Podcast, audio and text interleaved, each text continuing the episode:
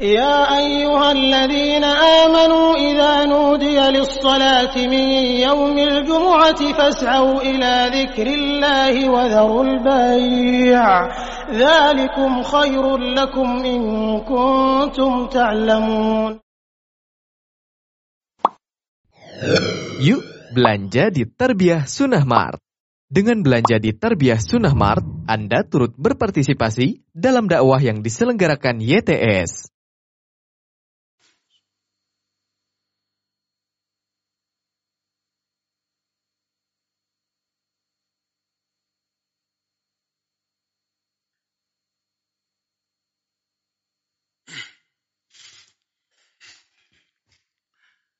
إن الحمد لله نحمده ونستعينه ونستغفره ونعوذ بالله من شرور أنفسنا وسيئات أعمالنا.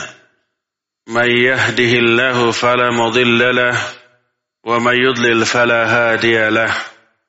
وأشهد أن لا إله إلا الله وحده لا شريك له. وأشهد أن محمدا عبده ورسوله. يا أيها الذين آمنوا اتقوا الله حق تقاته. ولا تموتن إلا وأنتم مسلمون. يا أيها الناس اتقوا ربكم الذي خلقكم من نفس واحدة وخلق منها زوجها وبث منهما رجالا كثيرا ونساء واتقوا الله الذي تساءلون به والأرحام إن الله كان عليكم رقيبا. يا أيها الذين آمنوا اتقوا الله وقولوا قولا سديدا. يصلح لكم أعمالكم ويغفر لكم ذنوبكم. ومن يطع الله ورسوله فقد فاز فوزا عظيما. أما بعد فإن أصدق الحديث كتاب الله. وخير الهدي هدي محمد صلى الله عليه وآله وسلم. وشر الأمور محدثاتها وكل محدثة بدعة وكل بدعة ضلالة وكل ضلالة في النار. قال الله تعالى في كتابه الكريم أعوذ بالله السميع العليم من الشيطان الرجيم. ووضع الكتاب. فترى المجرمين مشفقين مما فيه ويقولون ما لهذا ويقولون يا ليتنا ما لهذا الكتاب لا يغادر صغيرة ولا كبيرة إلا أحصاها Hadirin sidang Jumat yang Allah muliakan, sudah kita terangkan salah satu cara untuk menambah iman kita adalah dengan mengenal Allah Azza wa Jalla. Semakin dalam pengenalan kita tentang Allah, semakin kuat iman. Sebab orang yang mengenal Allah pasti akan tumbuh seluruh unsur keimanan di dalam dirinya. Dia akan takut kepada Allah. Dia akan mahabbah kepada Allah, cinta. Dia akan tawakal, dia akan berharap, dia akan ikhlas. Dia akan merasa selalu diawasi oleh Allah Azza wa Jalla. Dan itu meningkatkan kualitas iman kita, kemudian teraplikasi dalam bentuk amal soleh. Amal solehnya ya berkualitas, ya berkuantitas. Ya rajin, ya juga sangat didasari oleh keikhlasan dan sikap mutaba'ah kepada Rasul Sallallahu Alaihi Wasallam. Dari setidak-tidaknya dua sikap setelah mengenal Allah. Pertama adanya rasa takut kepada Allah. Kedua adanya sikap muraqabah. Arti muraqabah itu apa? Merasa selalu diawasi oleh Allah. Karena Allah Azza wa Jalla Maha Alim, alimun bidati sudur, mengetahui seluruh isi dada manusia, selalu mengawasi di mana saja kita semuanya berada wa huwa ma'akum aina ma kuntum Allah selalu menyertai kalian di mana pun kalian berada. Allah Azza wa Jalla pun mengetahui seluruh yang ada di langit dan seluruh yang ada di bumi. Tak ada sesuatu pun yang tersembunyi dari Allah. Lalu semua yang kita lakukan, yang kita amalkan dicatat. Siapa yang mencatatnya? Para malaikat. Kanan ada, kiri ada. إذ يتلقى المتلقيان عن اليمين وعن الشمال قعيد Ma yalfidhu min qawlin illa ladaihi atid. Selalu ada dua malaikat yang menyertai di kanan dan di kiri. Tak ada satupun kata yang terucap dari mulut kecuali di sampingnya ada rokib dan ada atid. Ditulis oleh rokib dan atid. Tidak ada yang terlewat. Walaupun amalan itu kecil, dilakukan di tempat sepi, tak ada orang yang melihat, catatannya ada. Nanti catatan itu di apa? Dibagikan. Ada yang begitu dibuka, begitu di, dikasih, diterima dengan tangan kanannya. Mereka akan berbahagia. Fa'amma man utiya kitabahu biyaminih فسوف يحاسب حسابا يسيرا Kata Allah Azza wa Jalla, siapa orang yang menerima buku catatan amal dari sebelah kanannya, dengan tangan kanannya, dia akan dihisab dengan hisab yang sangat mudah. Tapi wa amma man utiya kitabahu wara'a dhahri. Siapa orang yang menerima Catatannya itu dari belakang punggungnya dengan tangan kirinya. Dia akan celaka. Wayad'u tuburo. Dia akan mencelak, meneriakan, aduh celaka saya. Allah Azza wa Jalla dalam surah Al-Kahfi menyatakan, wa al kitab. Fatarul mujrimina musfiqina mimma fih. Dibagikan kitab catatan amal. Engkau melihat orang-orang durhaka itu tunduk kepalanya mengarah ke, ke bawah mimma fihi karena catatan buruk yang ada di dalam buku itu. Wa lalu mereka berkata ya wailatana mali hadzal kitab aduh celaka kita ini. Kitab catatan amal apa ini? La yughadiru saghiratan wala kabiratan illa ahsaha. Tidak melewatkan baik amal kecil atau amal besar kecuali semuanya tertulis di sana. Wa wajadu ma amilu hadira. Mereka menemukan bahwa seluruh amal yang pernah mereka lakukan di dunia itu ada di sana tertulis nggak ada yang terlewat. Nah, melihat hal itu, mengetahui hal itu, semua yang dilakukan dicatat dan kelak akan dibalas, maka dari sini lahirlah sikap kehati-hatian. Ketika hidup di dunia hati-hati dalam bicara, hati-hati dalam bertindak, bahkan hati-hati di dalam berfikir dan berencana. Sebab Allah tahu isi dada kita. Apa yang diucapkan, apa yang dilakukan ditulis, tulisannya ada, diberikan, dan nanti akan dibalas sesuai dengan amal masing-masing. Dari sinilah lahir kehati-hatian. Jangan sampai Isi catatan amal kita itu yang buruk-buruk semuanya. Akhirnya celaka.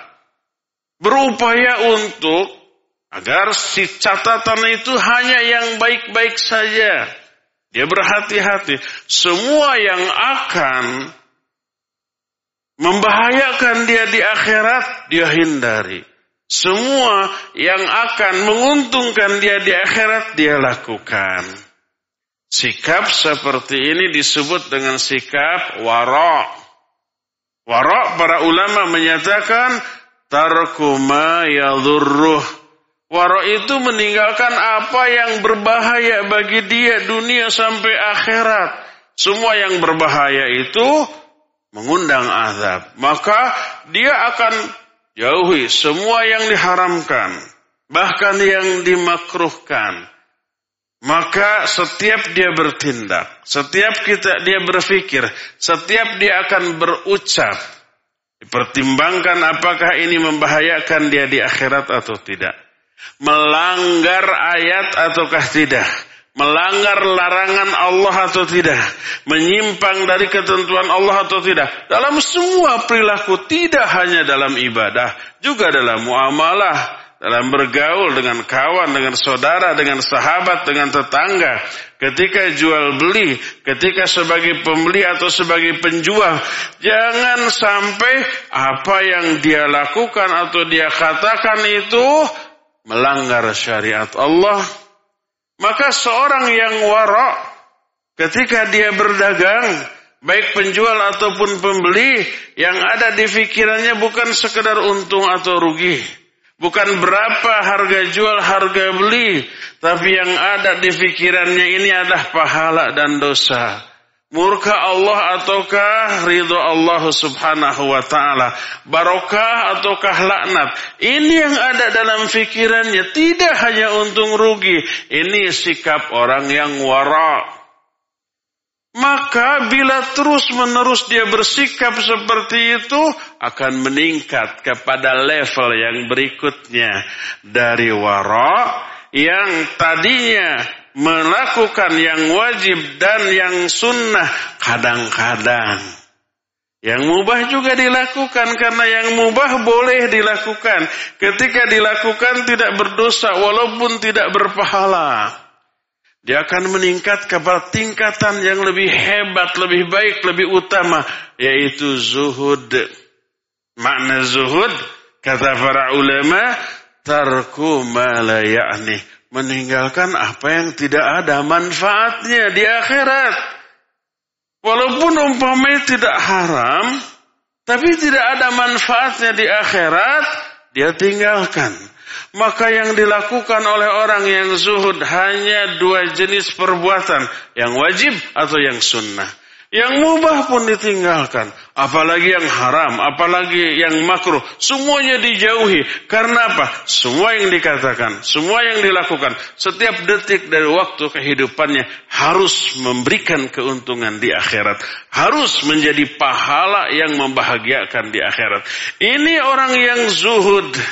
Sikap waro dan sikap zuhud lahir dari ma'rifatullah setelah mengenal sifat-sifat Allah, lalu ada kekhawatiran di dalam dirinya.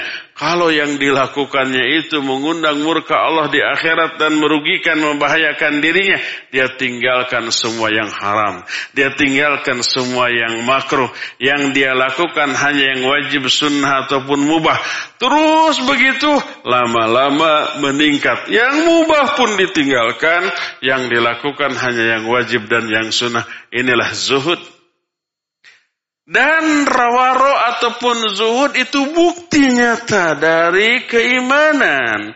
Wujud nyata dari sebuah keimanan. Itu waro dan zuhud itu bentuknya yang nyata dalam kehidupan perilaku manusia. Dan semuanya itu lahir dari ma'rifatullah.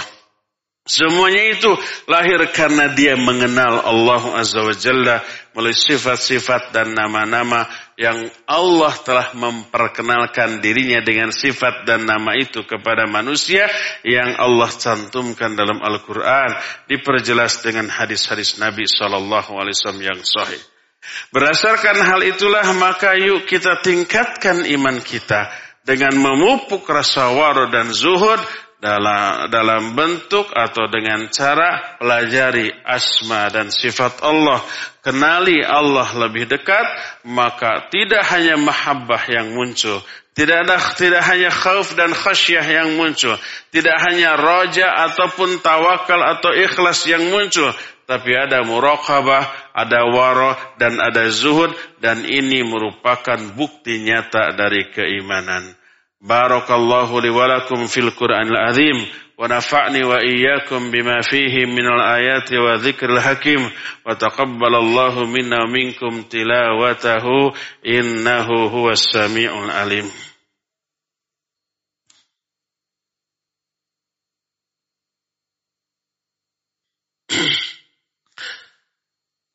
الحمد لله الذي أنزل السكينة في قلوب المؤمنين ليزدادوا إيمانا مع إيمانهم.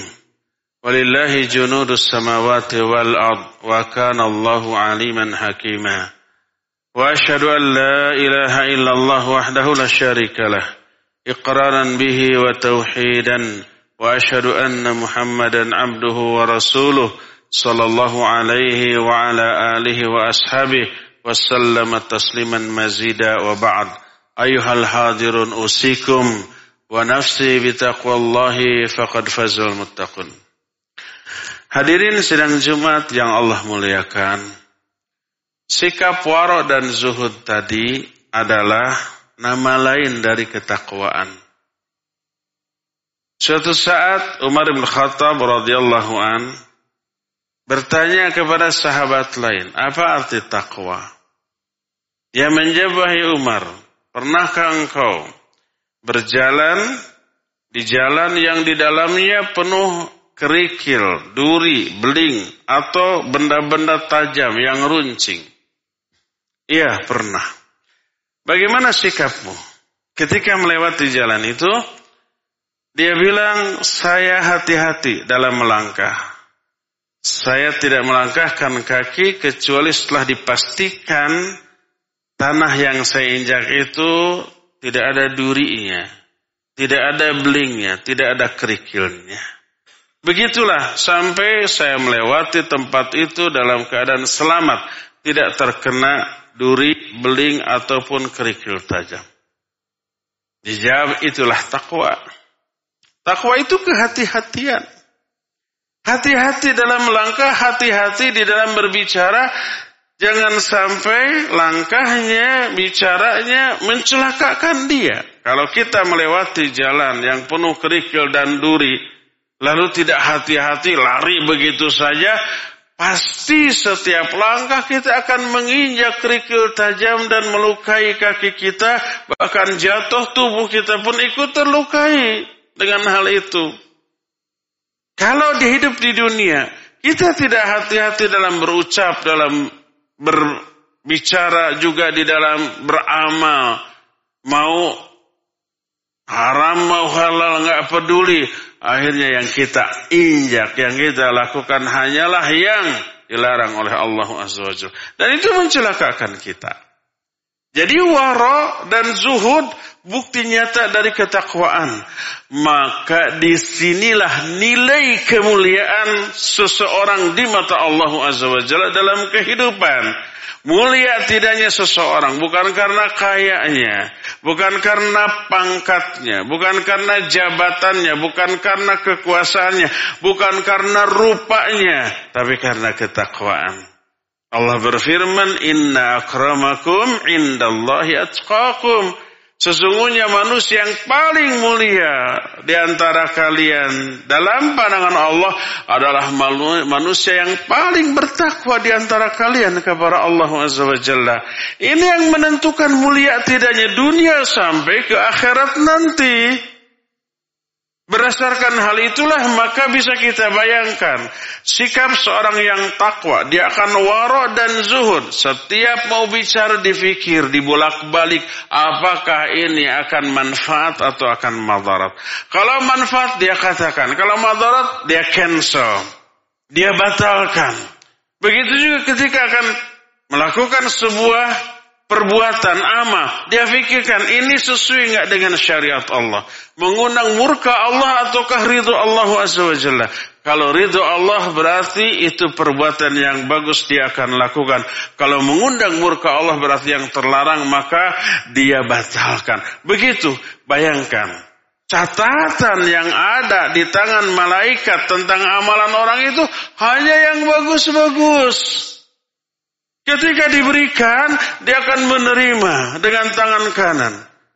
Fa'amma man utiya kitabahu biyaminih fayaqulun ha'u muqra'u kitabiyah. Inni dhanantu anni mulaqin hisabiyah fahuwa fi 'ishatir radiyah. Adapun orang yang diberikan catatan amalnya dari sebelah kanannya, dia akan menerima dengan sumringah, dengan berbahagia lalu berkata, "Ha umukrau kitabnya, baca-baca nih kitab catatan amal saya. Semuanya hanya yang bagus-bagus. Tidak ada yang buruk-buruk, tidak ada yang jelek-jelek." Bayangkan kita dulu pernah sekolah lalu dibagi rapot. Kalau catatan nilai rapot kita semuanya bagus antara 8, 9, 10, 8, 9, 10 ranking 1. Bagaimana sikap kita? Kita akan menerima dengan bangga, dengan sumringah. Lalu diperlihatkan ke orang-orang, lihat nih rapot saya, rapot saya. Semua melihat dengan kekaguman. Semuanya memuji pinter kamu, rajin kamu. Ini calon orang yang akan berguna di masa yang akan datang. Tapi kalau umpah rapotnya merah, hanya nilainya 54, 54, 54, tidak naik. Apa yang terjadi? Dia menerima dengan sedih. Dia akan akan dia sembunyikan jangan sampai ada orang yang melihatnya karena malu mengundang celaan. Padahal itu baru di dunia. Besok lusa bisa berubah, bisa diperbaiki. Tapi ketika buku catatan amal di akhirat, maka pertama tidak bisa diganti, tidak bisa diperbaiki, tidak ada lagi masa yang akan datang untuk kita merubah isi dari catatan itu. Yang keduanya beresiko kena azab apabila catatan amalnya hanya yang buruk-buruk diazab dengan azab yang dahsyat oleh Allah Azza wa Jalla. Berdasarkan hal itulah maka semua kita wajib untuk berfikir untuk merencanakan catatan amal kita di akhirat harus yang baik-baik. Adapun dosa, maksiat yang pernah kita lakukan bisa dihapus sekarang dengan cara bertobat, dengan cara istighfar, meminta ampunan kepada Allah, bertekad tidak mengulangi lagi, maka akan dihapus oleh Allah catatannya. Catatan amal buruknya dan diganti dengan catatan amal baik berupa pahala dari tobatnya. Ya ayyuhalladzina amanu tubu ila Allahi taubatan nasuha asa rabbukum ayyukaffir ankum sayiatikum wa yudkhilakum jannat. Hai orang-orang yang beriman, Tobat kalian kepada Allah dengan sebenar-benarnya tobat. Maka Allah akan menghapus kesalahan-kesalahan kalian. Catatan dosa di dalam kehidupannya itu di tangan malaikat akan dihapus. Tidak ada lagi catatan itu termasuk azab yang tadinya akan ditimpakan kepada dia dihapus juga. Dibatalkan tidak jadi. Karena dia sudah bertobat. Wa yudkhilakum jannat dan Allah akan memasukkan kalian ke dalam surga.